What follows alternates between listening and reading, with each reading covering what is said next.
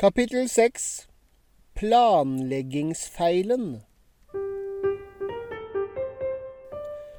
Noen barn vil ha ventet til etter første besøk i Diagonalmenningen. Pose med grunnstoff 79, sa Harry, og dro tilbake en tom hånd fra minkelskinnpungen. De fleste barn ville iallfall ha ventet til de fikk tryllestaven først. Pose med okane, sa Harry. Den tunge gullposen dukket opp i hånda hans. Harry tok ut posen og dyttet den så tilbake i minkelskinnpungen. Han tok ut hånda, dyttet den inn igjen og sa Pose med symboler på økonomisk bytte. Denne gangen kom hånda ut tom. Gi meg tilbake den posen jeg nettopp puttet inn.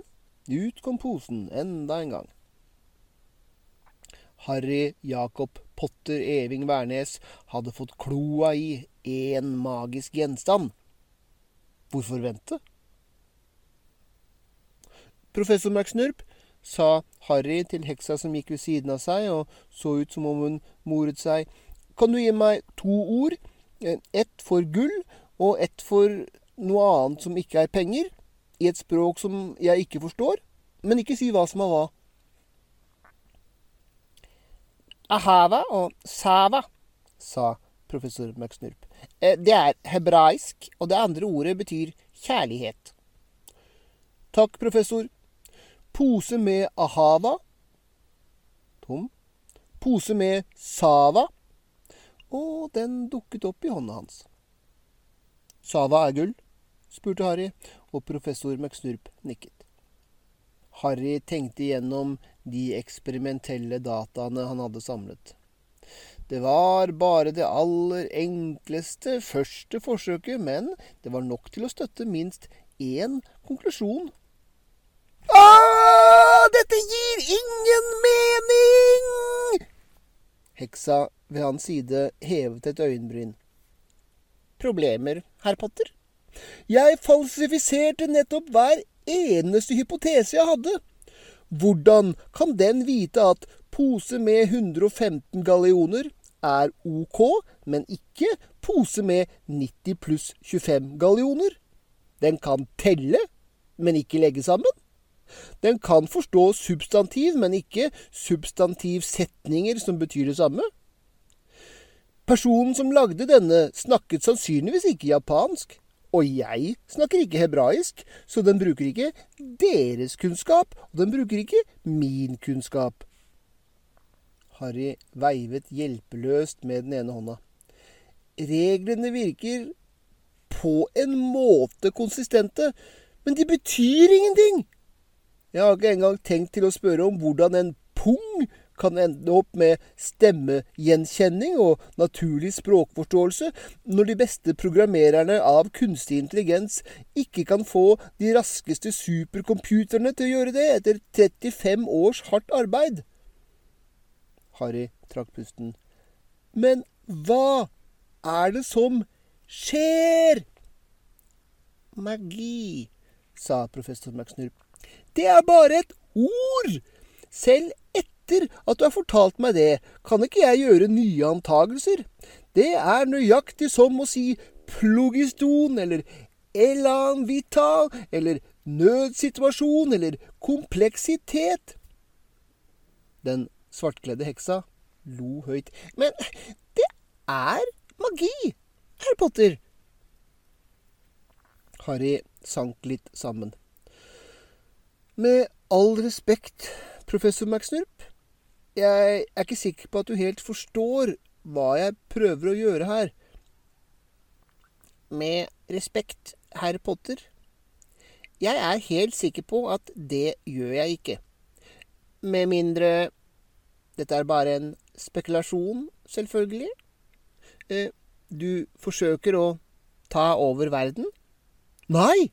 Jeg mener, jo da, men Nei, nei, nei! Jeg tror muligens jeg burde bli bekymret ved at du hadde trøbbel med å besvare det spørsmålet. Tung til sinns vurderte Harry Dartmouth konferansen om kunstig intelligens i 1956. Det hadde vært den første konferansen noensinne om dette emnet, den som hadde skapt frasen kunstig intelligens. De hadde identifisert nøkkelproblemer, slik som å få datamaskiner til å forstå språk, lære og forbedre seg selv. De hadde foreslått, fullstendig seriøst, at betydelig framskritt rundt disse emnene kunne gjøres ved at ti vitenskapsmenn samarbeidet i to måneder. Nei, opp med hodet. Du har nettopp startet med å nøste opp i alle magiens hemmeligheter. Du vet ikke noe om hvorvidt det kommer til å virke for vanskelig etter to måneder. Og du har faktisk aldri hørt andre trollmenn stille denne typen spørsmål, eller gjøre denne typen vitenskapelige eksperimenter? Harry spurte på ny. Det virket bare så åpenbart fra hans ståsted. Men på den annen side Det hadde tatt mer enn 200 år etter oppfinnelsen av den vitenskapelige metode før noen gompevitenskapsmann hadde tenkt på å systematisk undersøke hva slags setninger en menneskelig fireåring kunne, eller ikke kunne, forstå lingvistikkens utviklingspsykologi kunne ha blitt oppdaget i det 18. århundre, i prinsippet. Men ingen hadde engang tenkt på å se etter før det tyvende. Så du kunne ikke egentlig klandre den mye mindre trollmannsverdenen for å ikke undersøke tilbakehentingsformelen. Professor McSnurp åpnet munnen, tenkte seg om og trakk på skuldrene. Jeg er fremdeles ikke sikker på hva du mener med vitenskapelig eksperiment, herr Potter. Som jeg sa, jeg har sett gompefødte elever forsøke å få gompevitenskap til å virke på innsiden av Galtvort, og folk finner opp nye formler og eliksirer hvert år. Harry ristet på hodet. Teknologi er ikke det samme som vitenskap i det hele tatt.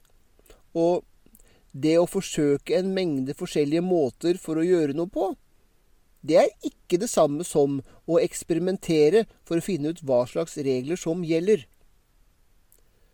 Det var mengder av mennesker som hadde forsøkt å finne opp flymaskiner ved å prøve ut en masse ting som hadde med vind å gjøre, men bare Wright-brødrene hadde bygd en vindtunnel for å måle oppdrift.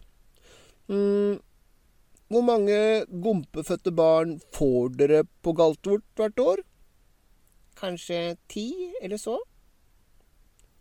Harry hoppet over et skritt i befippelsen og snublet nesten i sine egne bein.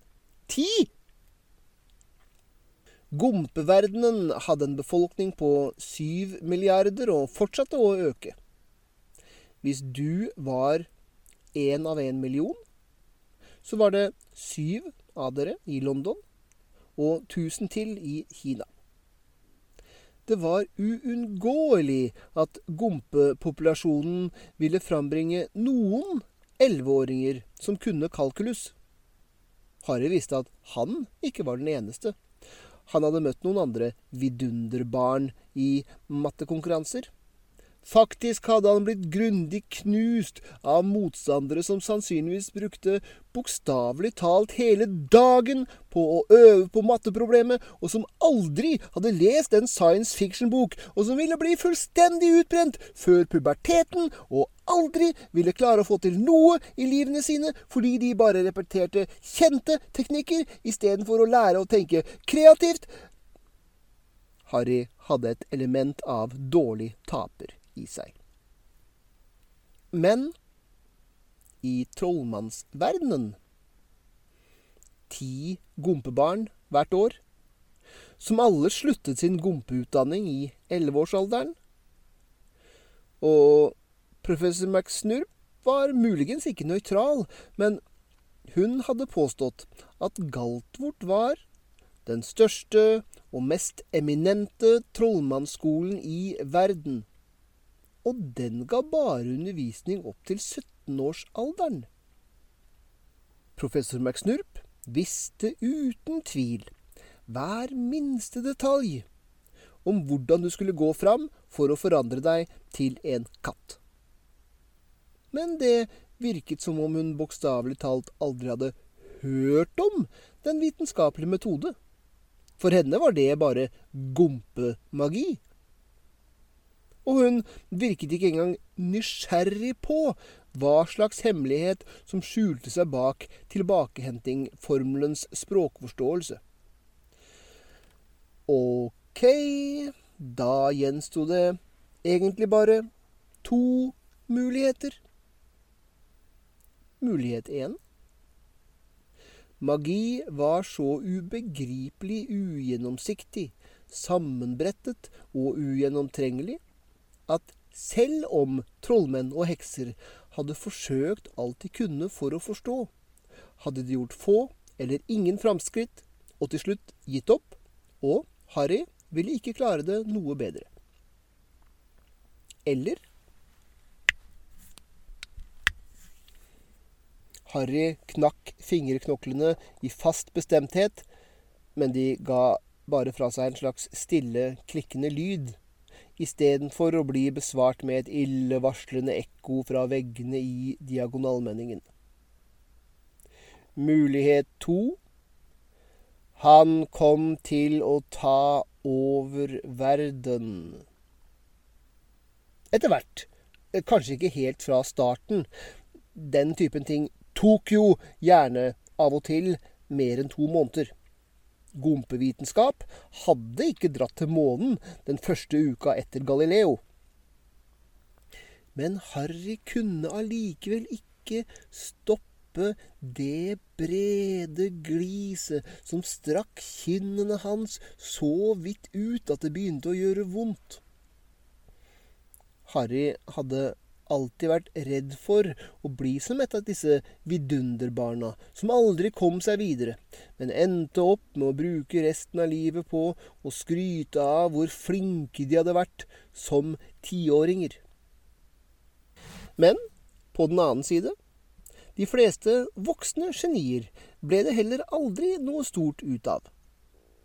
Sannsynligvis var det tusen mennesker som var like intelligente som Einstein for hver faktiske Einstein i historien. Fordi de andre geniene ikke hadde fått tak i den ene tingen du absolutt trengte for å oppnå storhet. De hadde aldri funnet et viktig problem.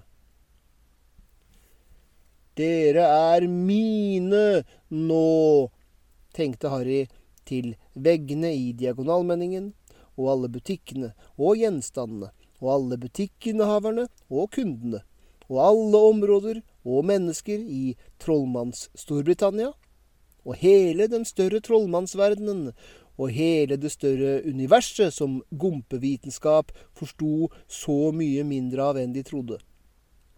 Jeg Harry Jakob Potter Eving Wærnes gjør herved krav på dette territoriet i vitenskapens navn. Lyn og torden feilet fullstendig i å lyse opp og buldre på den skyfrie himmelen. Hvorfor smiler du? forhørte professor McSnurp seg, lett på vakt og ganske sliten. Jeg lurer på om det fins en trylleformel for å få lyn til å flerre i bakgrunnen hver gang jeg tar en skjebnesvanger avgjørelse, forklarte Harry.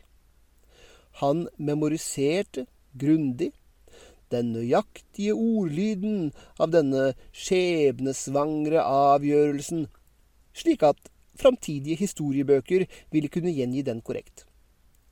Jeg har en klar følelse av at jeg burde gjøre noe med dette, sukket professor McSnoop.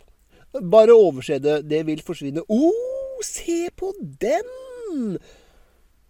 Harry satte tankene om verdens erobring midlertidig på pause, og skyndte seg bort til en interessant vindusutstilling.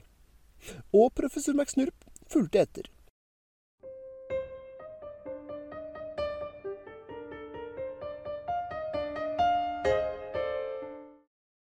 Harry hadde nå kjøpt sine eliksiringredienser og heksekjele og tja, et par ting til.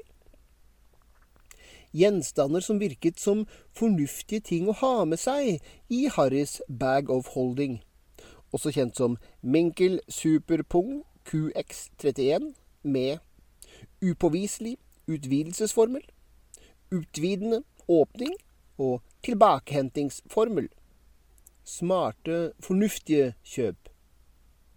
Harry kunne rett og slett ikke forstå hvorfor professor McSnurp så så mistenksom ut. Akkurat nå var Harry inne i en butikk som var dyr nok til å ha utstillingsvindu ut mot den travle hovedgata i Diagonalmenningen. Butikken hadde en åpen front med varer lagt ut på skrånende trerekker, kun bevoktet av en svak, grå glød og en ungt utseende selgerske i en eh, svært kort versjon av heksekuttet, som viste fram knær og albuer. Harry undersøkte trollmannsverdenens versjon av et førstehjelpsskrin nødsituasjons hjelpepakke pluss. Det var to selvstrammende turnikeer. En sprøyte med noe som lignet på flytende ild, som etter sigende skulle drastisk redusere sirkulasjonen i et behandlet område mens den opprettholdt blodets oksygenopptak i inntil tre minutter, hvis du hadde behov for å forhindre en gift i å spre seg gjennom kroppen hvitt tøy som kunne legges på en kroppsdel for å midlertidig dempe smerte, pluss et utall andre gjenstander som Harry totalt feilet i å skjønne noe av, som desperantpåvirkningsbehandling, som så ut og luktet som vanlig sjokolade, eller Paffraff-forsvareren, som så ut som et lite skjelvende egg, og hadde en lapp som viste hvordan man trykket den opp i noens nesebor. Et knallkjøp til fem gallioner, er du ikke enig? sa Harry til professor McSnurp, og tenåringsselgeren som svevde rundt rett ved, nikket ivrig. Harry hadde forventet at professoren nå skulle komme med noen form for godkjennende kommentar om det å være forsiktig og forberedt. Det han fikk istedenfor, kunne bare beskrives som det onde øyet. Og nøyaktig hvorfor? sa professor McSnurp med tung skepsis. Tror du at du kommer til å trenge et magilegesett? Unge mann. Etter den uheldige hendelsen i eliksirbutikken forsøkte professor McSnurp å unngå å si herr Potter, mens andre var i nærheten. Harrys munn åpnet seg og, og, og lukket seg igjen.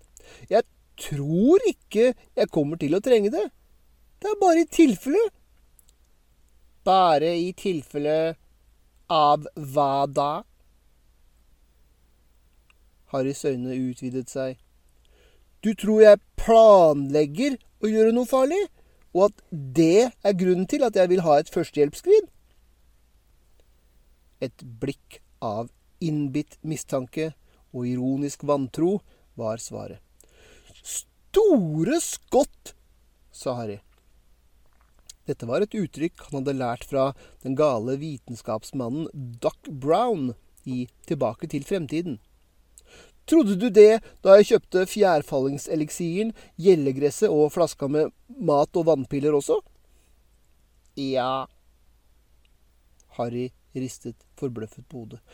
Nøyaktig hva slags type plan tror du egentlig at jeg har? Jeg vet ikke, sa professor McSnurp mørkt. Men det ender enten med at du leverer ett tonn sølv til Flirgodt, eller i verdensherredømme. Verdensherredømme, det er jo et litt stygt ord, da. Jeg foretrekker å kalle det verdensoptimering. Denne glimrende spøken feilet i å berolige heksa, som fortsatte å sende ham blikket som ser snarlig undergang komme. Wow, sa Harry da han innså at hun var helt seriøs. Du tror virkelig det? Du tror virkelig at jeg planlegger å gjøre noe farlig? Ja. Som om det er den eneste grunnen til at noen noensinne ville kjøpe førstehjelpsutstyr? Ikke misforstå meg, professor McSnurp, men hva slags type gærne barn er du vant til å hanskes med? Griffinger, spyttet professor McSnurp. Ordet bar med seg en bør av bitterhet og fortvilelse som falt som en evig forbannelse over all ungdommelig entusiasme og lettlivet stemning. Viserektor professor Minerva McSnurp, sa Harry og plasserte hendene fast på hoftene. Jeg har ikke tenkt å ende opp i Griffing. Her skjøt viserektor inn en eller annen bemerkning om at hvis han gjorde så, så skulle hun finne ut hvordan hun kunne drepe en hatt. Et merkelig utsagn som Harry lot passere uten kommentarer, skjønt salgsjenta så ut til å få et plutselig hosteanfall. Jeg skal være i Ravnklo. Og hvis du virkelig tror at jeg planlegger å gjøre noe farlig, så ærlig talt, så forstår du meg ikke i det hele tatt. Jeg liker ikke fare. Det er skremmende. Jeg er bare forsiktig. Jeg er forberedt. Jeg planlegger for uforutsette hindringer. Som mine foreldre pleide å synge for meg. Vær beredt, det er speiderens livsmoral. Vær beredt når du går i skog og dal. Skal de kunne stole på deg, vær ei redd, vær beredt. Harrys foreldre hadde faktisk kun noensinne sunget nøyaktig de linjene av denne Tom Lehrer-sangen, og Harry var lykkelig uvitende om resten. Professor McSnurps kroppsspråk myknet en smule, skjønt mest da Harry sa at han skulle til Ravnklo. Hva slags type hindringer forestiller du deg at dette settet vil forberede deg på, unge mann? En av mine klassekamerater blir, blir bitt eh, av et forferdelig monster, og, og, og, mens jeg leter febrilsk i minkelskinnpungen etter noe som kunne ha hjulpet henne, tittet hun trist på meg og sier med sin siste pust, Hvorfor var du ikke beredt? Og så dør hun, og jeg vet, mens øynene hennes lukker seg, at hun aldri noensinne vil tilgi meg. Harry hørte salgsjenta gispe, og han tittet opp og så henne stirre ned på seg med fast sammenpressede lepper. Så vred den unge damen seg rundt og flyktet inn i de mørkere gjemmestedene i butikken. Hva? Professor McSnurp bøyde seg ned, tok Harrys hender, vennlig, men bestemt, og trakk Harry ut av hovedgata i Diagonalmenningen, førte ham bort til en passasje mellom to butikker som var dekt med skitne mursteiner, og endte blindt i en vegg av solid, svart skitt. Den høye heksa pekte med tryllestaven på hovedgata og snakket. Stillus, sa hun, og en skjerm av stillhet sank ned rundt dem og blokkerte for all gatelyd. Hva gjorde jeg galt? Professor McSnurp snudde seg for å betrakte Harry. Hun hadde ikke tatt på seg et fullt voksent gjort noe galt ansikt, men uttrykket var flatt, kontrollert. Du må huske på, herr Potter, sa hun, at det var krig i dette landet for mindre enn ti år siden. Alle har mistet noen. Og det å snakke om venner som dør i dine armer, er ikke noe vi gjør uten videre. Jeg eh, jeg, jeg mente ikke å Informasjonen dumpet ned som en fallende stein inn i Harrys usedvanlig livlige fantasi. Han hadde snakket om noen som trakk sitt siste pust.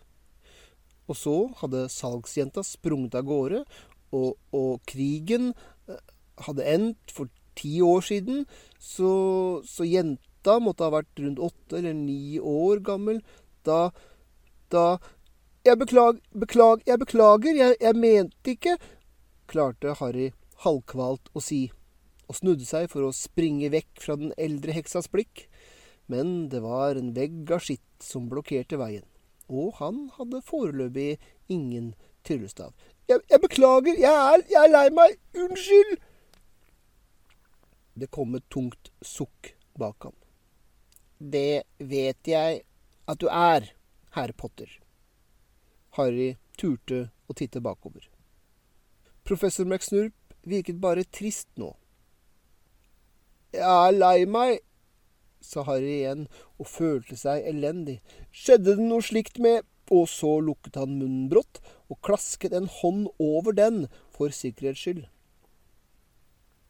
Den gamle heksas ansikt ble enda tristere.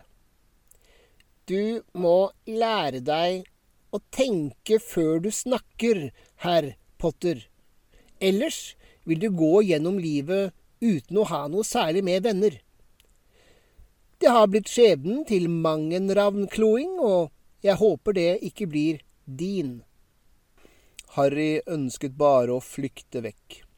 Han ønsket å trekke fram en tryllestav og slette hele greia fra professor McSnurps hukommelse. Være tilbake utenfor butikken sammen med henne igjen. Få det til å ikke ha skjedd.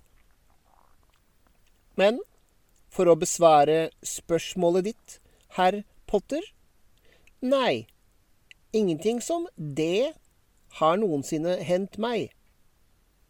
Jeg har så absolutt sett en venn trekke sin siste pust én gang eller syv ganger.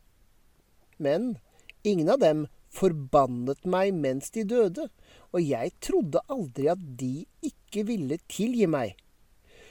Hvordan Hvorfor ville du si en slik ting, herr Potter? Hvorfor ville du i det hele tatt tenke det? Jeg Jeg Jeg Harry svelget. Det er bare det at jeg alltid forsøker å forestille meg det verste som kunne hende. Og muligens hadde han også forsøkt å fleipe litt, men han ville heller ha bitt av seg tunga enn å si det akkurat nå. Hva? Sa professor McSnurp. Men hvorfor i himmerik? Så jeg kan forhindre det! Herr Potter, den gamle heksas stemme døde bort et sekund. Så sukket hun og knelte ned ved siden av ham. Herr Potter, sa hun rolig nå, det er ikke ditt ansvar å ta vare på elevene ved Galtvort. Det er mitt. Jeg vil ikke la noe vondt hende med deg eller med noen andre. Galtvort er det tryggeste stedet for magiske barn i hele trollmannsverdenen, og Madame Pommes frites har et fullt utstyrt helerkontor. Du vil ikke komme til å trenge et helbredersett i det hele tatt, og slett ikke et til fem gallioner. Men jeg gjør det! sprutet Harry ut. Ingen steder er fullstendig trygge. Og, og, og hva hvis mine foreldre har et hjerteattakk, eller havner i en ulykke når jeg drar hjem til jul? Madame Pomfret kommer ikke til å være der. Jeg trenger mitt eget helbredersett. Hva i Merlins navn? sa professor McSnurp. Hun rettet seg opp og så ned på Harry med et uttrykk som varierte fra irritasjon til bekymring.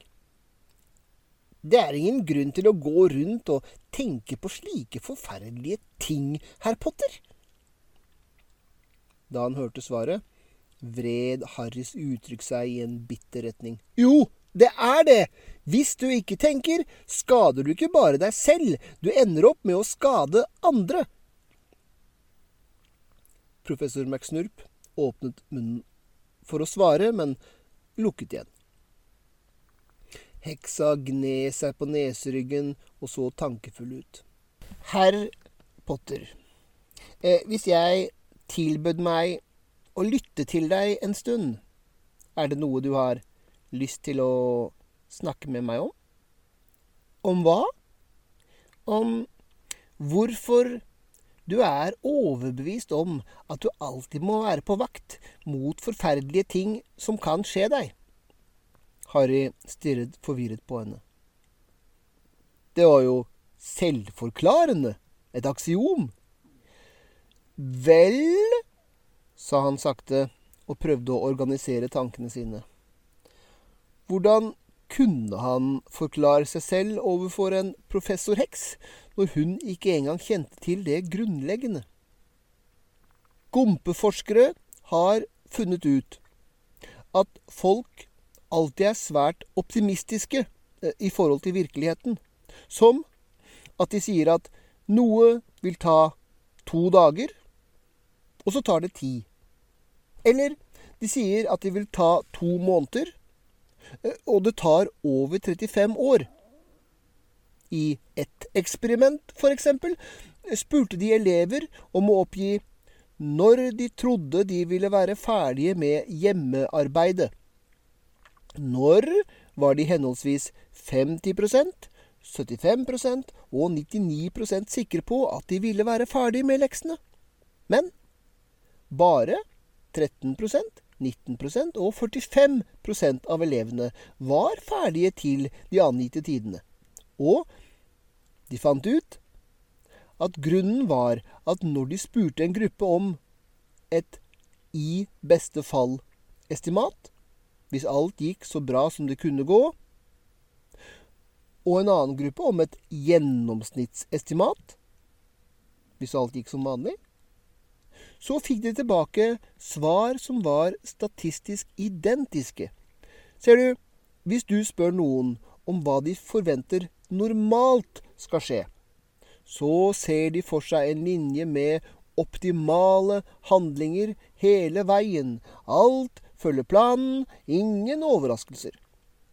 Men i virkeligheten, siden mer enn halvparten av elevene ikke var ferdige, på det tidspunktet de var 99% sikre på at de skulle være ferdige, så gir virkeligheten vanligvis et resultat som er litt verre enn det verste scenarioet man ser for seg.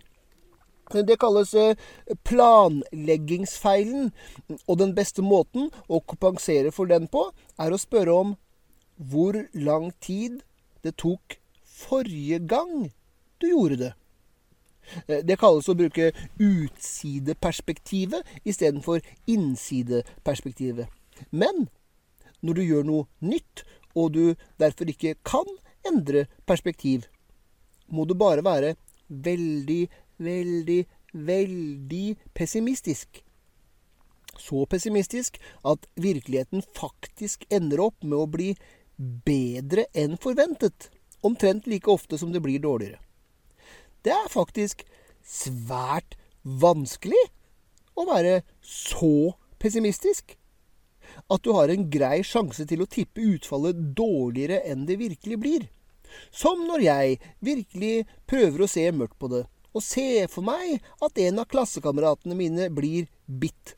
Men Det som egentlig skjer, er at de overlevende dødseterne angriper hele skolen for å få tak i meg. Men på den positive siden Stopp, sa professor McSnurp. Harry stoppet. Han hadde akkurat skulle til å påpeke at Mørkets herre i alle fall ikke kom til å angripe siden han var død. Jeg tror ikke jeg uttrykte meg helt klart, sa heksa og den presise skotske stemmen hørtes enda mer forsiktig ut. Har noe skjedd med deg personlig som skremmer deg, herr Potter? Det som skjedde med meg personlig, er bare anekdotisk bevis, forklarte Harry. Det har ikke samme vekt som en gjentatt, fagfellevurdert journalartikkel om en kontrollert studie med tilfeldige tilordninger, mange undersøkelsesobjekter, store effektstørrelser og sterk statistisk signifikans. Professor McSnurp kløp seg i neseryggen, pustet dypt inn og så ut igjen. Jeg ville fremdeles like å høre om det, sa hun. Vel, sa Harry. Han trakk pusten. Det hadde vært noen ran i vårt nabolag, og moren min spurte meg om å levere tilbake ei gryte hun hadde lånt av en nabo to kvartaler bort, og jeg sa at jeg ikke hadde lyst, fordi jeg kanskje kunne bli ranet. Og hun sa, Harry, ikke si sånne ting. Som det å tenke på det faktisk ville få det til å skje. Slik at hvis jeg ikke snakket om det, så ville jeg være trygg. Jeg forsøkte å forklare hvorfor jeg ikke var beroliget, og hun fikk meg til å gå bort med gryta uansett. Jeg var for ung til å vite hvor statistisk usannsynlig det var at en raner skulle peke ut meg som mål. Men jeg var gammel nok til å vite at det å ikke tenke på noe, ikke stopper det fra å skje. Så jeg var virkelig redd. Ikke noe annet, sa professor McSnurp etter en pause, da det ble klart at Harry var ferdig. Det er ikke noe annet vondt som har hendt deg? Jeg vet at det ikke høres så ille ut, forsvarte Harry seg. Men det var et av de der livskritiske øyeblikkene, ikke sant? Jeg mener, jeg visste at det å ikke tenke på noe ikke hindrer det i å skje. Jeg visste det!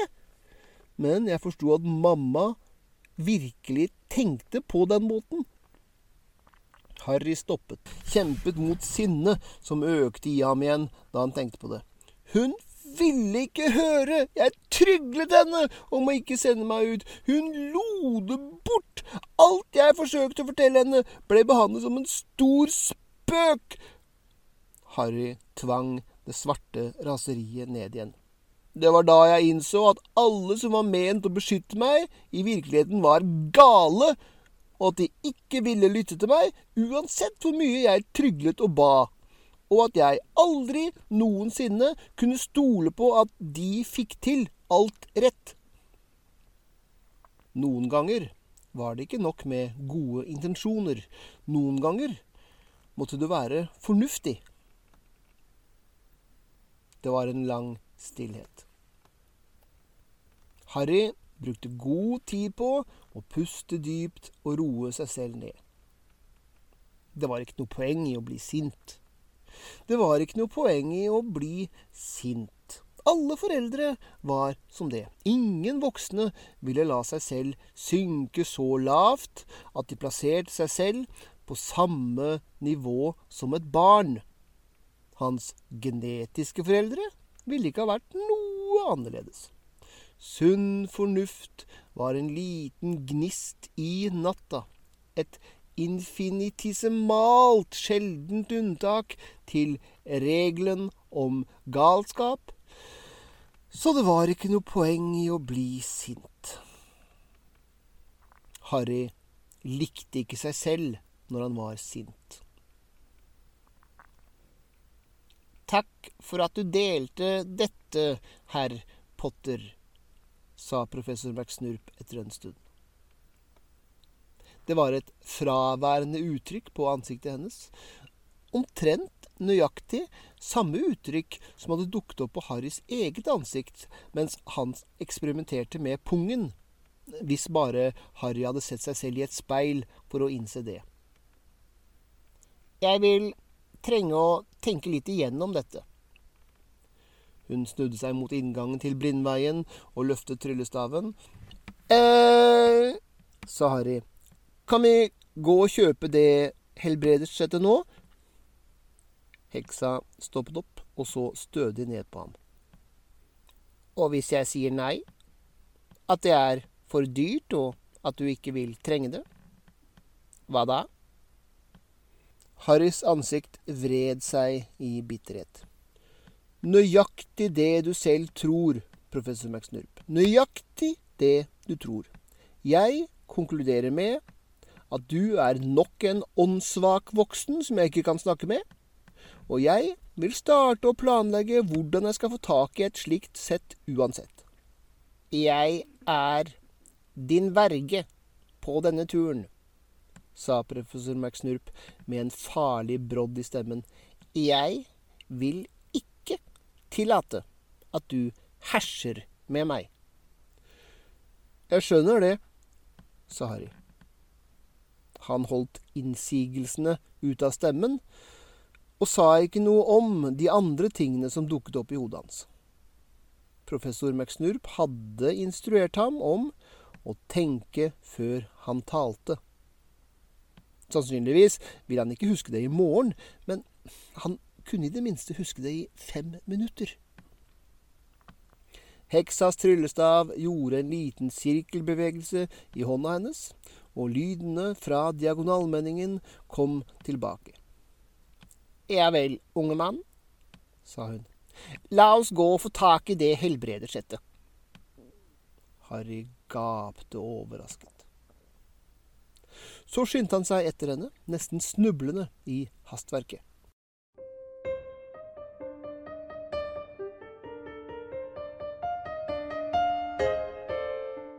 Butikken sto der som da de forlot den. Gjenkjennelige og ugjenkjennelige gjenstander lå fremdeles utover de skrånende utstillingsstativene, den grå gløden fremdeles beskyttende, og salgsjenta tilbake i sin gamle posisjon.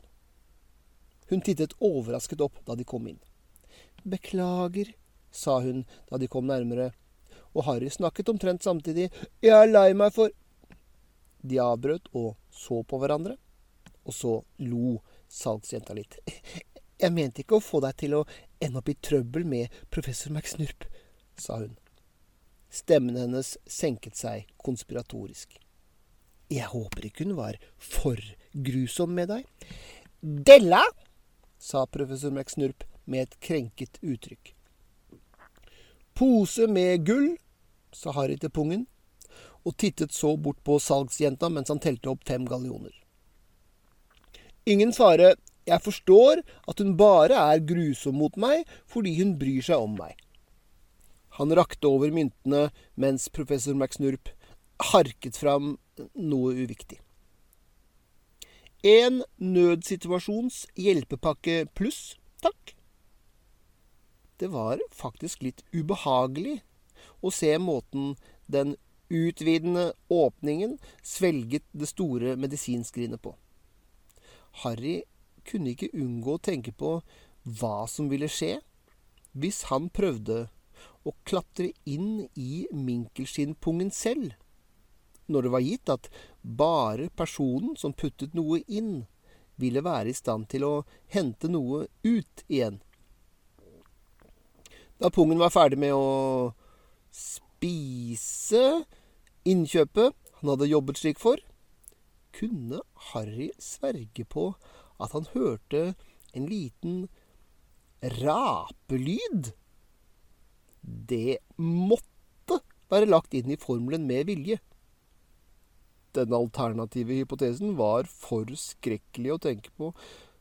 Faktisk kunne ikke Harry engang forestille seg en alternativ hypotese. Harry så bort på professoren igjen, mens de nok en gang gikk bortover diagonalmenningen. Hva er neste stopp? Professor McSnurp pekte mot en butikk som så ut som om den var laget av kjøtt istedenfor murstein, og dekket i pels istedenfor maling. Små kjæledyr er tillatt ved Galtvort. Du kunne få deg ei ugle for å sende brev med, for eksempel.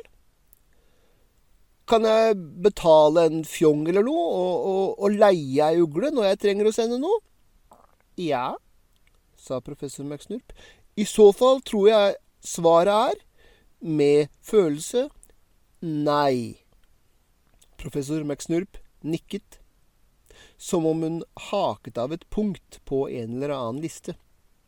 Kan jeg spørre om eh, hvorfor ikke? Jeg hadde en stein som kjæledyr en gang. Den døde. Du tror ikke du kunne ta vare på et kjæledyr? Jeg kunne, sa Harry, men jeg ville endt opp med å bli besatt av tanker rundt hvorvidt jeg hadde husket å mate den i dag, eller om den holdt på å sulte i hjel i buret sitt. Undret på hvor herren dens var, og hvorfor det ikke var noe mat. Den stakkars ugla, sa den eldre heksa i en bløt tone. og forlatt på den måten. Jeg lurer på hva den ville gjort. Vel, jeg antar at den ville bli ordentlig sulten og starte å klore seg ut av buret eller, eller boksen eller hva det nå er, men sannsynligvis ville det ikke gå så bra. Harry stoppet brått. Heksa fortsatte, fremdeles med den bløte stemmen. Og hva ville hende med den så? Unnskyld meg, sa Harry mens han strakte seg over, tok professor McSnurps hånd, vennlig, men fast, og styrte henne inn i en ny blindgate. Etter å ha dukket unna så mange fremmede som ville takke gutten som overlevde, hadde denne prosessen blitt nesten en umerkelig rutine. Kan du lage den stillhetsgreia? Stillus? Harrys stemme skalv. Den ugla representerer ikke meg. Mine foreldre låste meg aldri inn i et skap og lot meg sulte. Jeg har ikke noen frykt for å bli forlatt, og jeg liker ikke den måten du tenker på, professor McSnurp. Heksa så alvorlig på ham. Og hvilken måte tenker jeg på, herr Potter? Du tror jeg var Harry hadde vansker med å si det. Vanskjøttet? Misbrukt? Ble du? Nei! Ropte Harry. Nei, det har jeg aldri blitt! Tror du jeg er dum? Jeg vet hva barnemishandling er, jeg vet om upassende berøringer og alt det der, og hvis noe sånt skjedde, vil jeg ringe politiet og si fra til rektor, og finne telefonnummeret til barnevernet, og fortelle bestemor og bestefar og fru Figg. Men foreldrene mine har aldri gjort noe sånn som det, aldri noensinne. Hvordan våger du å antyde noe slikt? Den eldre heksa møtte ham med et stødig blikk. Det er min plikt som viserektor å undersøke mulige tegn på barnemishandling når det gjelder barn som kommer under min omsorg. Harrys sinne spant ut av kontroll til rent svart raseri. Ikke våg å ytre ett ord om disse disse antydningene til noen andre. Til noen andre. Hører du, professor McSnurp? En beskyldning som det kan ødelegge mennesker og knuse familier, selv når foreldrene er fullstendig uskyldige. Jeg har lest om det i avisene. Harrys stemme hadde hevet seg til et høydesibels skrik. Systemet vet ikke hvordan det skal stoppe. Det tror verken på foreldre eller på barna når de sier at ingenting har skjedd. Ikke våg å true familien min med det. Jeg vil ikke la deg ødelegge hjemmet mitt. Harry, sa den eldre heksa bløtt, og hun strakte fram en hånd mot ham. Harry tok et fast steg bakover, løftet armen og slo bort hånda hennes. McSnurp stivnet. Så trakk hun hånda tilbake og tok et skritt bakover. Harry, det er greit, sa hun. Jeg tror deg. Gjør du? beste Harry. Raseriet strømmet fremdeles gjennom blodet hans. Eller venter du bare til du blir alene igjen, så du kan fylle ut papirene? Harry, jeg så huset ditt. Jeg så deg sammen med foreldrene dine. De elsker deg. Du elsker dem. Jeg tror på deg når du sier at dine foreldre ikke har mishandlet deg. Men jeg måtte spørre. Fordi det er noe merkelig med deg. Harry stirret kaldt på henne. Som hva? Harry, jeg har sett mange misbrukte barn i løpet av min tid ved Galtvort. Det ville knuse hjertet ditt å få vite akkurat hvor mange. Og når du er lykkelig, så oppfører du deg ikke som en av de barna. Ikke i det hele tatt. Du smiler til fremmede. Du klemmer folk. Jeg la hånda mi på skulderen din, og du rykket ikke til. Men noen ganger, bare noen få ganger, sier du eller gjør du noe som minner veldig om noen som tilbrakte sine første elleve år innelåst i en kjeller. Ikke den kjærlige familien jeg så. Professor McSnurp la hodet på skakke og fikk et tankefullt uttrykk igjen. Harry tok til seg dette og behandlet det. Det svarte raseriet begynte å trekke seg unna, og det gikk opp for ham at han ble lyttet til med respekt, og at familien hans ikke var i fare. Og hvordan forklarer du dine observasjoner, professor McSnurp? Jeg vet ikke, sa hun. Men det er mulig at noe kan ha hendt med deg som du ikke husker. Raseri vellet opp i Harry igjen. Det hørtes altfor mye ut som noe han hadde lest i avisartiklene om knuste familier. Undertrykte minner er en haug pseudovitenskap. Folk undertrykker ikke traumatiske minner. De husker dem altfor godt resten av livet. Nei, herr Potter.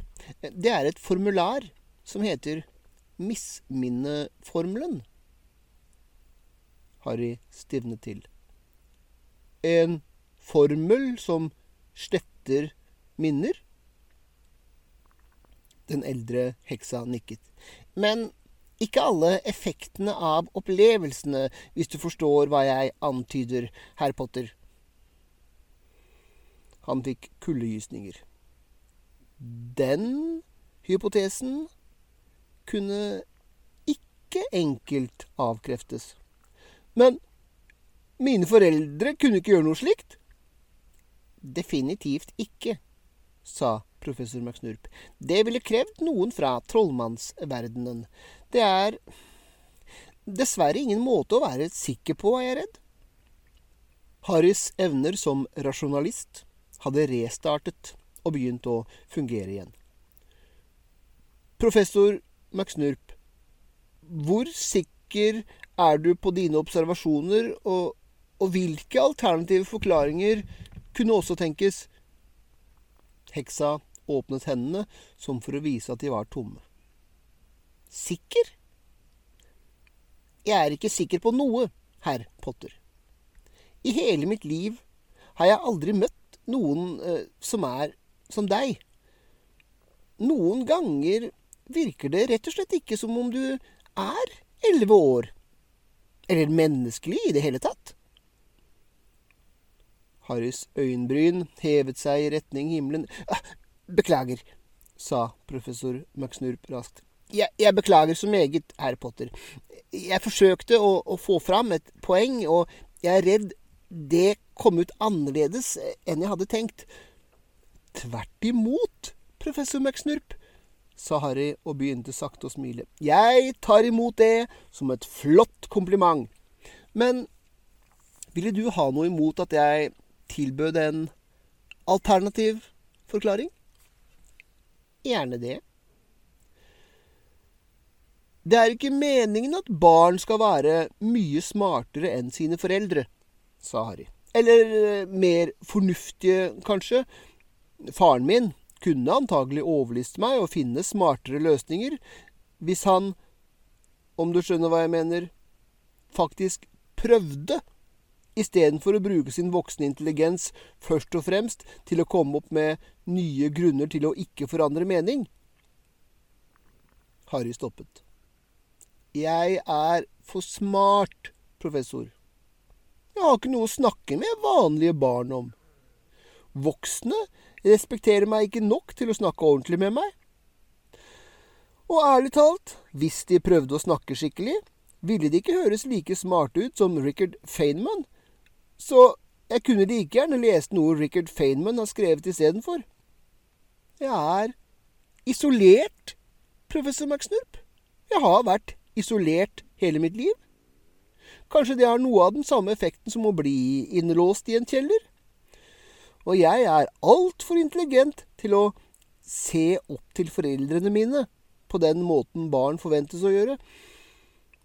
Mine foreldre elsker meg, men de føler seg ikke forpliktet til å respondere på fornuft. Og noen ganger føler jeg at det er de som er barna. Barn som ikke vil høre, og som samtidig har absolutt autoritet over min hele eksistens. Jeg forsøker å ikke være for bitter, men jeg forsøker også å være ærlig med meg selv. Så ja, jeg er litt bitter allikevel. Eh, I tillegg har jeg et problem med å mestre sinnet mitt, men, eh, men det prøver jeg å jobbe med. Det er alt. Det er alt. Harry nikket fast. Det er alt. Men ærlig talt, professor, selv i det magiske Storbritannia er vel den normale forklaringen alltid verdt å overveie?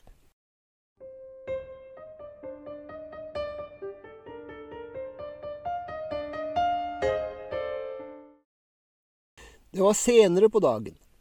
Sola sank lavere på sommerhimmelen, og de handlende begynte å gli vekk fra gatene. Noen butikker var allerede stengt, og Harry og professor McSnurp hadde kjøpt de nødvendige skolebøkene fra Snirkel og Blekk rett før skoletid. Med kun en lett utblåsning, da Harry hadde fattet interesse for nøkkelordet aritmantikk, og funnet ut at lærebøkene for syvende klasse ikke hadde i seg noe mer matematisk avansert enn trigonometri. Men i dette øyeblikket var tankene om lavthengende forskningsfrukter langt borte fra Harrys tanker. I dette øyeblikket gikk de to ut av Olivanders, og Harry stirret på sin nyanskaffende tryllestav. Han hadde veivet litt med den og produsert gnister i flere farger, noe som ikke skulle kommet som en sjokk etter alt annet han hadde sett, men allikevel. Jeg kan utføre magi. Jeg, som i, som i, som i meg, personlig, jeg er magisk. Jeg, jeg, jeg er en trollmann. Han hadde følt magien strømme opp gjennom armen sin og i det øyeblikket innså han at han alltid hadde hatt denne fornemmelsen, at han hadde eid fornemmelsen hele sitt liv. Fornemmelsen som ikke var syn eller hørsel eller lukt eller smak eller berøring, men bare magi. Som å ha øyne, men å alltid ha dem lukket, så du ikke engang innså at du så mørket. Og så en dag åpne øynene og se verden. Sjokket hadde strømmet gjennom ham, berørt biter av ham, vekket dem, og så slumret det til ro igjen sekunder senere, og etterlot seg bare vissheten om at han nå var en trollmann. og hadde til og med, på en forunderlig måte, alltid visst det. Og det er virkelig meget besynderlig at skjebnen har siktet deg inn mot nettopp denne staven, når dens tvilling Ja, når det nettopp var dens tvilling som ga deg det arret. Det kunne ikke på noen måte være et sammentreff. Det hadde vært tusenvis av tryllestaver i den butikken.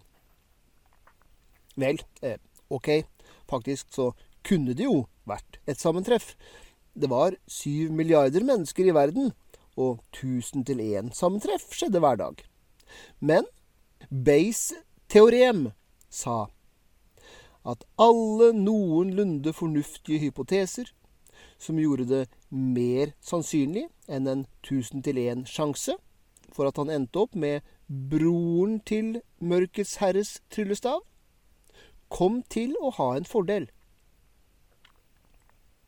Professor McSnurp hadde bare sagt 'så pussig' og latt det være med det, hvilket hadde fått Harry til å gå inn i en nær sjokktilstand over den rene, overveldende ikke-nysgjerrigheten til trollmenn og hekser.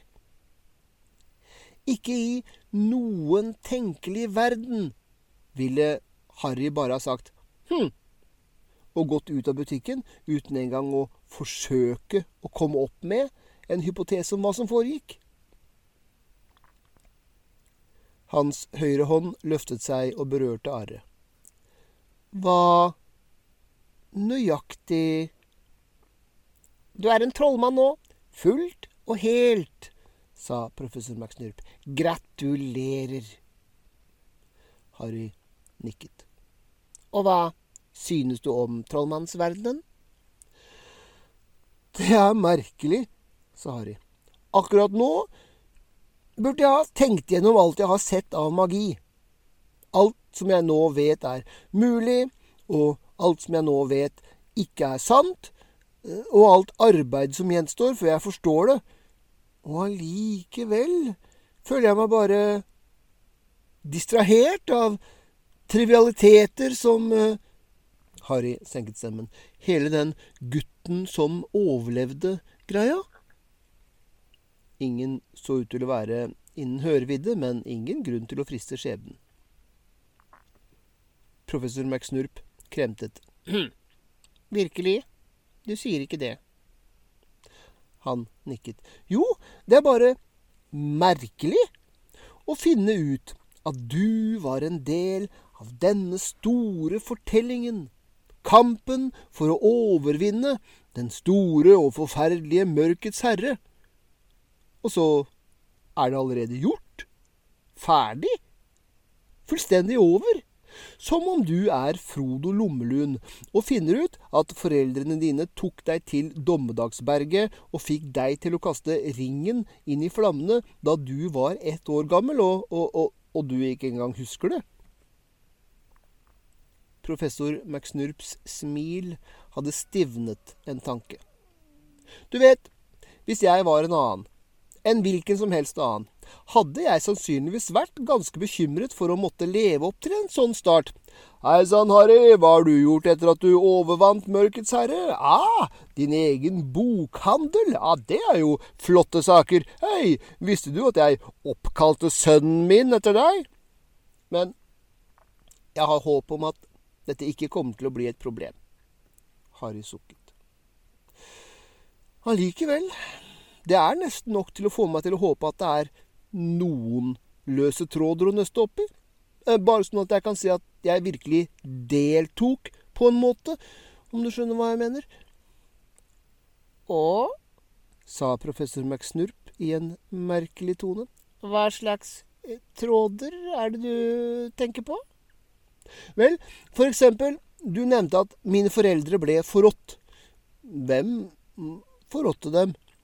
Sirius Svart, sa heksa og hveste nesten fram navnet. Han er i Askaban, trollmannsfengselet.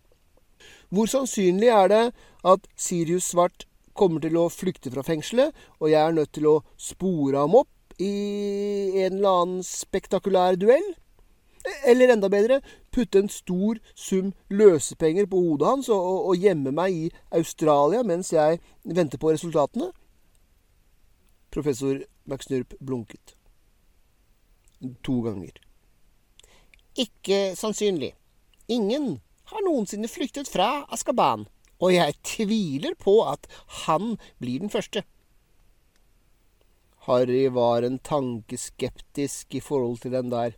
Ingen har noensinne rømt fra Askaban-setningen.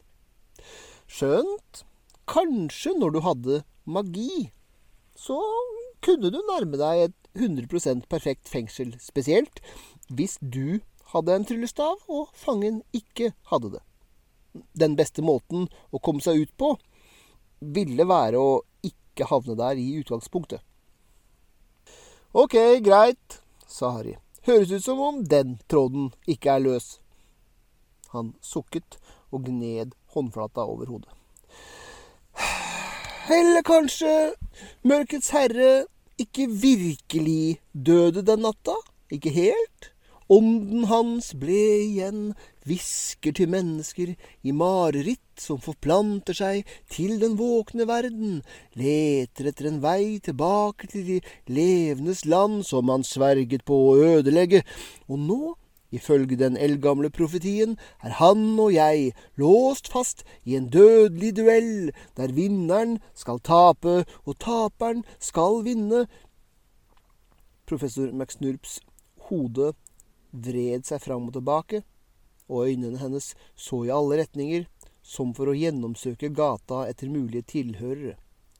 Jeg spøker, professor, sa Harry, lett irritert. Søren også, hvorfor skulle hun alltid ta alt så alvorlig?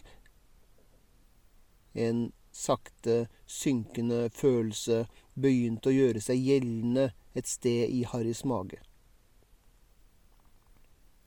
Professor McSnurp tittet på Harry med et behersket uttrykk. Et veldig, veldig behersket uttrykk. Smilet var påklistret. Selvsagt gjør du det, herr Potter. Å, fy søren. Hvis Harry hadde hatt behov for å formalisere den ordløse tankerekken som nettopp hadde lynt gjennom hodet hans, hadde det kommet ut noe slikt som hvis jeg estimerer sannsynligheten for at professor McSnurp gjorde det jeg nettopp så, som et resultat av at hun forsiktig kontrollerte seg selv, mot sannsynlighetsdistribusjonen for alle ting hun naturlig ville gjøre hvis jeg leverte en dårlig spøk, så er denne oppførselen signifikant bevis for at hun skjuler noe. Men det Harris faktisk tenkte, var Å, fy søren. Harry snudde sitt eget hode rundt for å ta overblikk over gata. Niks. Ingen i nærheten. Han er ikke død, er han? sukket Harry. Herr Potter.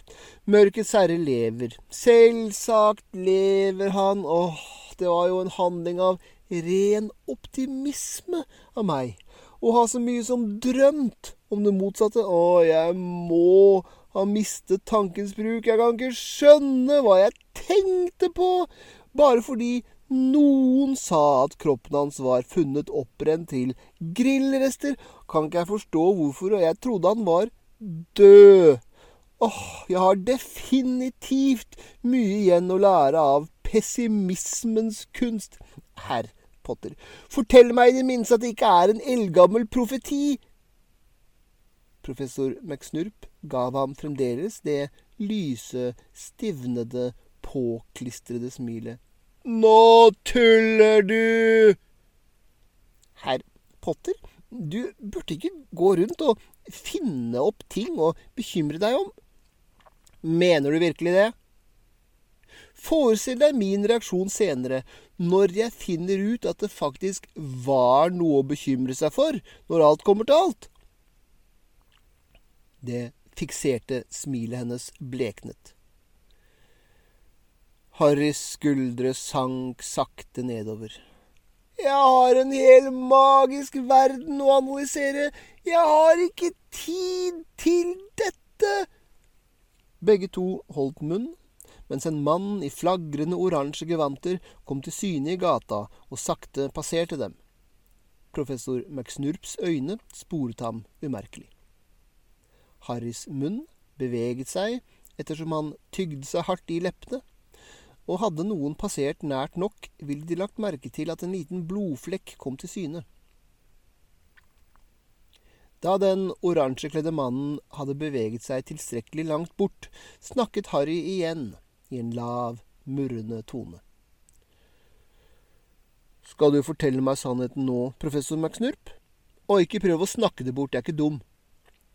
Du er elleve år gammel, herr Potter, hvisket hun barskt og dermed mindreverdig. Beklager, jeg glemte det et øyeblikk. Dette er forferdelige og viktige saker. De er hemmelige, herr Potter. Det er en katastrofe at du, som fremdeles er et barn, vet så mye som du allerede gjør. Du må ikke fortelle det til noen, forstår du? Til absolutt ingen. Blodet hans ble kaldt istedenfor varmt, slik det av og til hendte når Harry ble tilstrekkelig rasende. En forferdelig mørk klarhet sank nedover tankene hans og gikk gjennom mulige taktikker og vurderte konsekvensene med jernhard realisme. Poengter at du har en rett til å vite, vil feile. Elleve år gamle barn har ikke rett til å vite noe som helst i McSnurps øyne.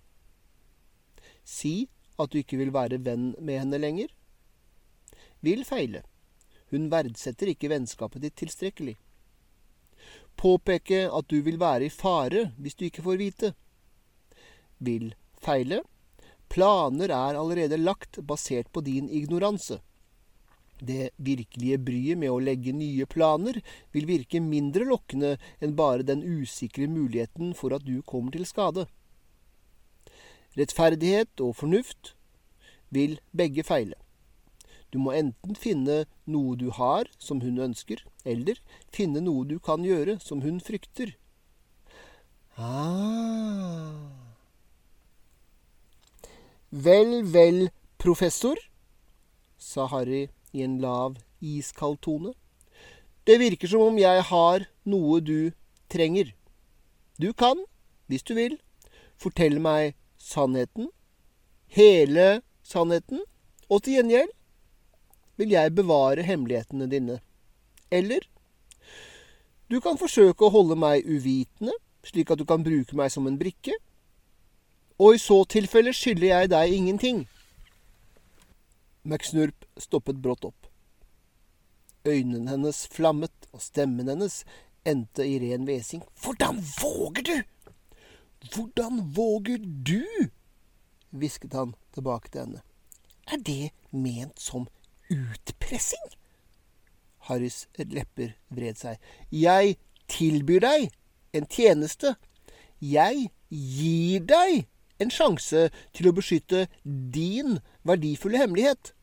Hvis du nekter, vil jeg ha alle motiv for å gjøre undersøkelser andre steder. Ikke for å terge deg, men fordi jeg må vite. Kom deg over det meningsløse sinnet mot et barn som du synes burde adlyde deg, og du vil innse at alle fornuftige voksne ville gjøre det samme. Se på det fra mitt perspektiv. Hvordan ville du føle det hvis det var deg? Harry så på McSnurp observerte den tunge pusten hennes. Det gikk opp for ham at det var på tide å lette presset litt, la henne bare småkoke en stund. Du, du trenger ikke å bestemme deg akkurat nå, sa Harry i en mer normal tone.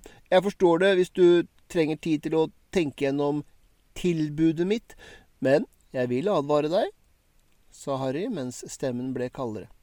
Ikke prøv den misminneformelen på meg. For en tid tilbake fant jeg på et signal, og jeg har allerede sendt det signalet til meg selv. Hvis jeg finner det signalet, og jeg ikke husker at jeg har sendt det Han lot setningen bli hengende betydningsfullt i lufta. McSnurps ansikt arbeidet seg gjennom forskjellige uttrykk. Jeg kunne aldri vurdert å misminne deg, herr Potter, men hvorfor i alle dager ville du ha kommet opp med et sånt signal, hvis du ikke visste om Jeg kom på tanken mens jeg leste en gompe science fiction-bok, og sa til meg selv vel, sånn i tilfelle Og nei, jeg vil ikke fortelle deg det signalet, jeg er ikke dum. Jeg hadde ikke tenkt å spørre, sa McSnurp. Det så ut som om en porsjon luft hadde gått ut av henne, og Plutselig så hun veldig gammel ut og veldig sliten.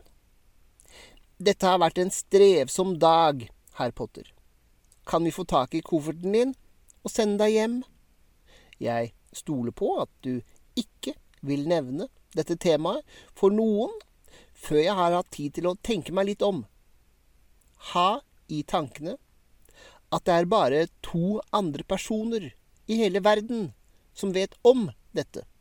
Og det er rektor Albus Humlesnurr og professor Severus Slur. Så ny informasjon, det var et fredstilbud.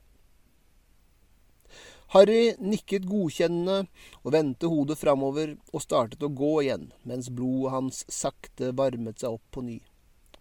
Så nå må jeg finne en måte å drepe en udødelig mørk trollmann på, sa Harry og sukket frustrert. Jeg skulle virkelig ønske at du hadde fortalt meg det før vi var ferdig med handleturen.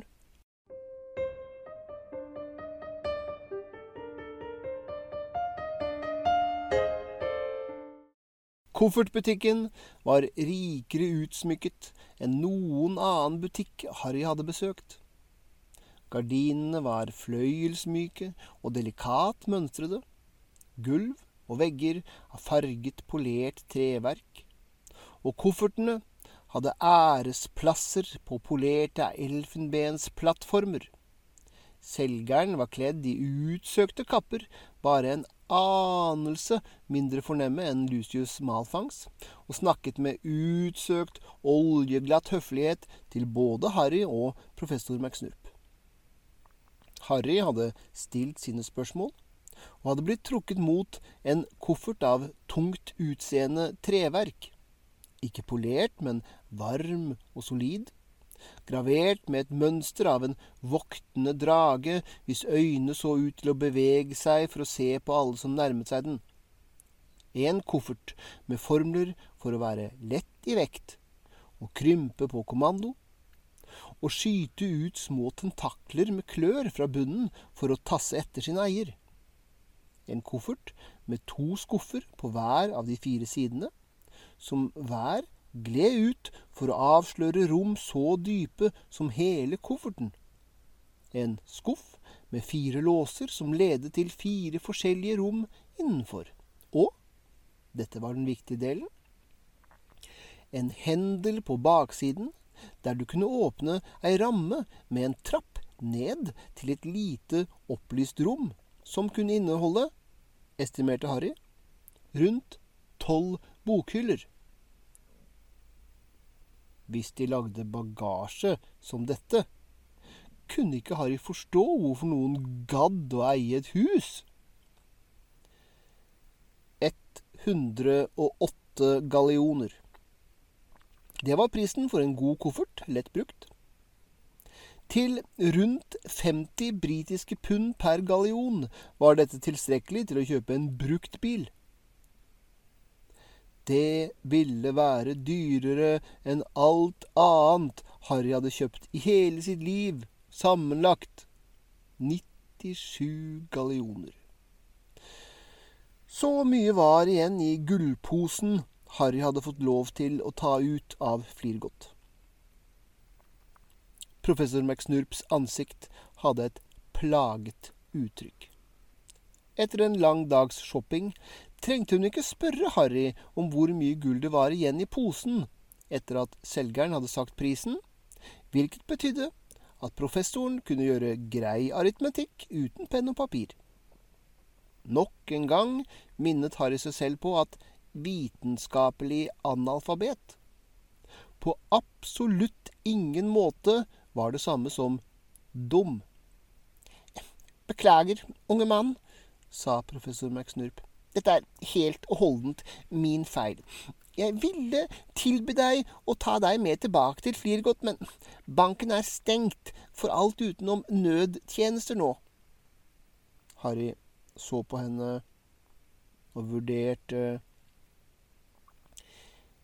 Vel, sukket professor McSnurp mens hun svingte rundt på hælen. Vi kan like gjerne gå igjen, antar jeg.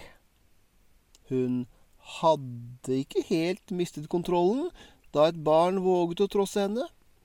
Hun hadde ikke vært fornøyd, men hun hadde tenkt istedenfor å frembringe et raseriutbrudd.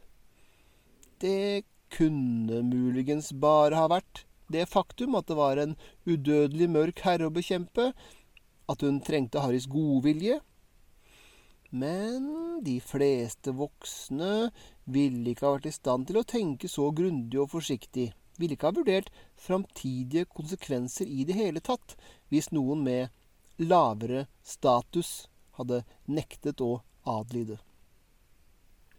Professor, sa Harry.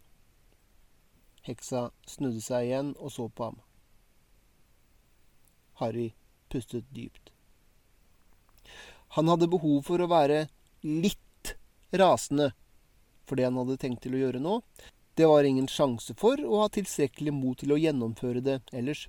Hun hørte ikke på meg, tenkte han til seg selv. Jeg ville ha tatt med noe mer gull fra banken, men hun var ikke interessert i å høre. Han snakket, mens han fokuserte hele sin verden på McSnurp og behovet for å lede denne samtalen i det sporet han ønsket. Professor, du antok at 100 gallioner ville være mer enn nok for en koffert. Det var derfor du ikke brydde deg om å advare meg før beholdningen gikk ned til 97. Som er akkurat den typen resultat forsøksstudier viser. Det er det som skjer når folk tror de gir seg selv en liten feilmargin. De er ikke pessimistiske nok. Hvis det hadde vært opp til meg, hadde jeg tatt med meg 200 gallioner for sikkerhets skyld. Det var definitivt mengder av penger i hvelvet, og, og jeg kunne puttet resten tilbake etterpå, men jeg antok at du ikke ville la meg gjøre det. Jeg antok at du ville blitt sint om jeg hadde spurt om det. Var det feil av meg? Jeg antar jeg må innrømme at du har rett, sa professor McSnurp. Men, unge mann, du må Denne typen ting er grunnen til at jeg har problemer med å stole på voksne. Harry klarte på en eller annen måte å holde stemmen stødig. Fordi de blir sinna hvis du så mye som forsøker å argumentere med dem. For dem er det trass og uforskammenhet og en utfordring mot deres høyere status i stammen. Hvis du forsøker å snakke med dem, blir de sinte. Så hvis jeg har noe virkelig viktig jeg vil gjøre, vil jeg ikke klare å stole på deg, selv om du lyttet med dyp innlevelse til hva jeg nå enn sa, fordi det også er en del av den rollen man spiller som en voksen som bryr seg så ville du aldri endret dine handlinger. Du ville faktisk ikke ha oppført deg annerledes på grunn av noe jeg sa. Selgeren ble stående og se på dem med utilslørt fascinasjon. Jeg ser ditt synspunkt, sa professor Møksnurp omsider, hvis jeg av og til virker for streng. Vær vennlig å ha i bakhodet at jeg har vært overhode for Griffinghuset i noe som føles som flere tusen år. Harry nikket og fortsatte.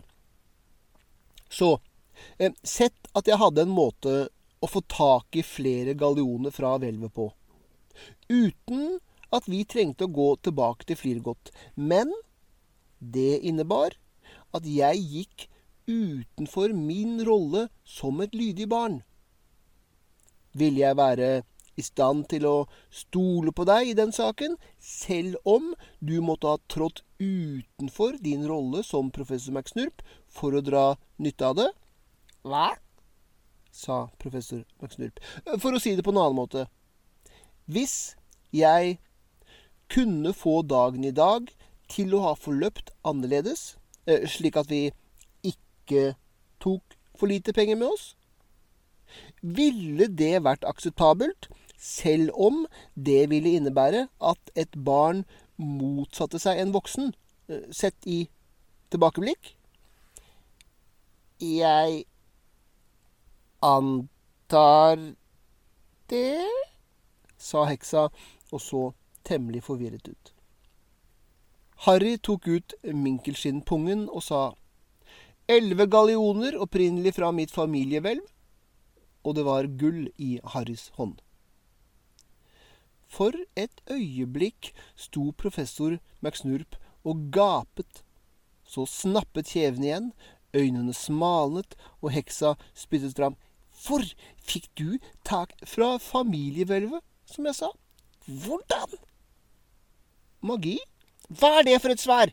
Det forklarer ingenting, glefset professor McSnurp, og så stoppet hun og blunket. Nei, det gjør ikke det, ikke sant? Jeg burde ha hevdet at det er fordi jeg gjennom eksperimenter oppdaget de sanne hemmeligheter bak hvordan pungen virker, og at den faktisk kan hente gjenstander fra alle steder, ikke bare fra innsiden, hvis du formulerer spørsmålet korrekt. Men faktisk så er det fra da jeg falt ned i haugen med gullmynter mens vi var i banken. Jeg eh, dyttet noen gallioner ned i lomma. Alle som forstår pessimisme, vet at penger er noe du kan komme til å trenge kjapt, med kort tidsfrist. Så nå er du sint på meg fordi jeg satte meg opp mot din autoritet? Eller glad for at vi lyktes i vårt viktige ærend? Selgerens øyne var store som tekopper. Og heksa sto der, stille. Disiplin ved Galtvort må opprettholdes, sa hun da nesten et helt minutt var gått. For alle elevers skyld. Og det må innebære høflighet og lydighet fra deg mot alle professorer. Jeg forstår, professor McSnurp. Bra. Så la oss kjøpe den kofferten og dra hjem. Harry følte seg klar for å kaste opp eller juble eller besvime eller noe. Dette var første gang hans nøye forberedte argumenter hadde virket på noen. Kanskje fordi det også var første gang han virkelig hadde noe viktig som en voksen trengte fra ham, men likevel. Minerva McSnurp pluss ett poeng. Harry bukket og ga gullposen og de ekstra elleve gallionene over til McSnurp. Jeg er særdeles takknemlig, professor. Eh, kan du fullføre kjøpet for meg? Jeg må en tur på toalettet. Selgeren hadde gjenvunnet fatningen og pekte mot en dør med gullhåndtak innfelt i veggen. Idet Harry startet å gå, hørte han selgeren snakke med oljeglatt stemme. Er det lov til å spørre hvem dette var, madame McSnurp? Jeg går ut fra at han er en smygarding. Tredje klasse, kanskje? og fra en framstående familie, men jeg var ikke i stand til å gjenkjenne dunket fra baderomsdøra kuttet over resten av setningen. Og etter at Harry hadde klart å finne fram til låsen og smekket den på plass grep han det magisk selvrensende håndkleet og med skjelvende hender tørket svetten av panna. Hele kroppen hans badet i svette som hadde trengt rett gjennom gompeklærne hans, skjønt det i det minste ikke vistes gjennom kutten.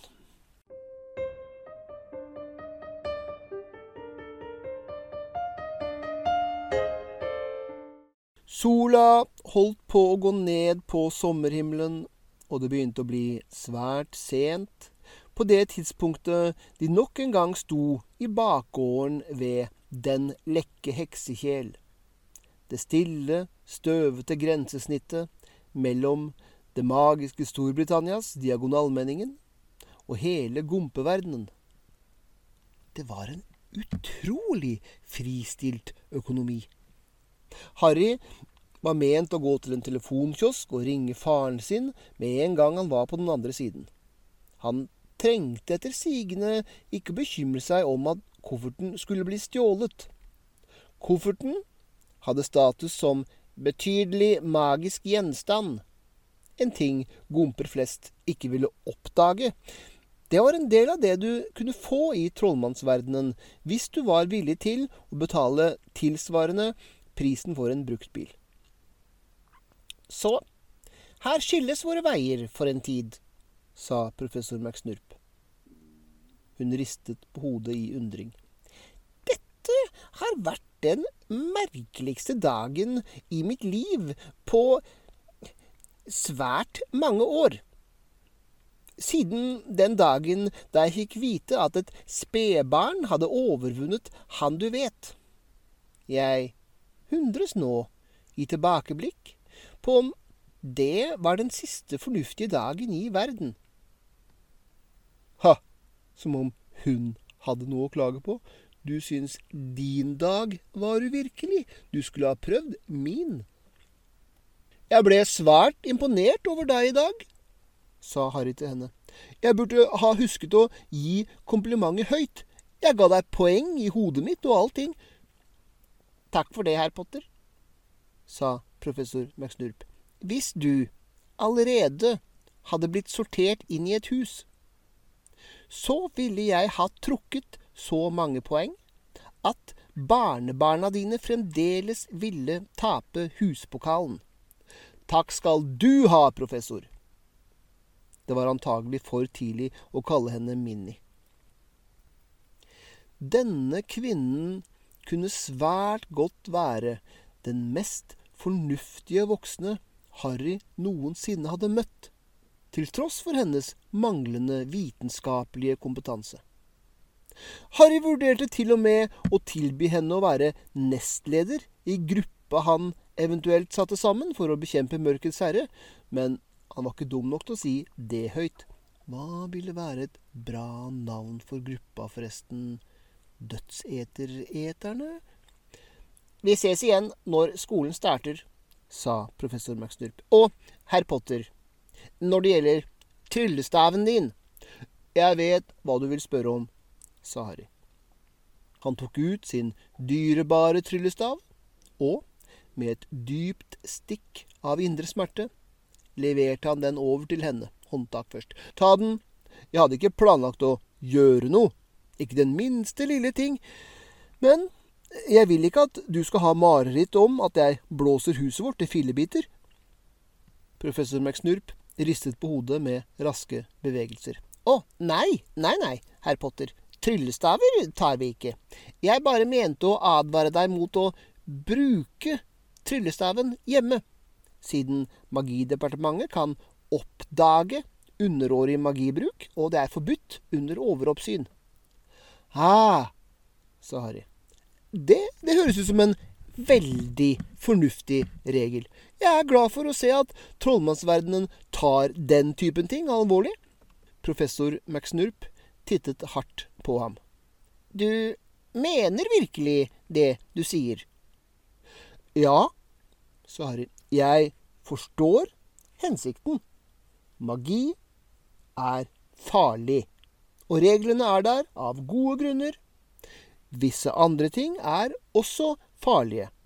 Jeg forstår det også.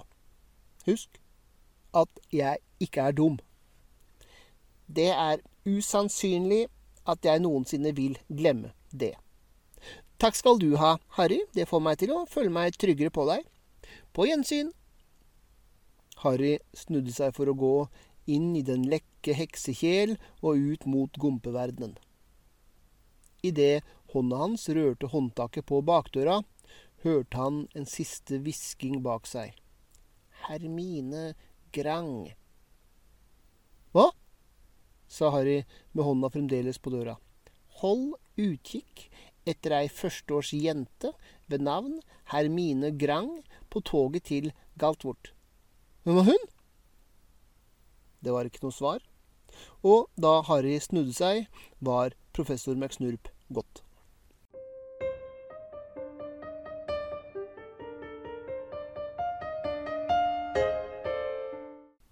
Etterspill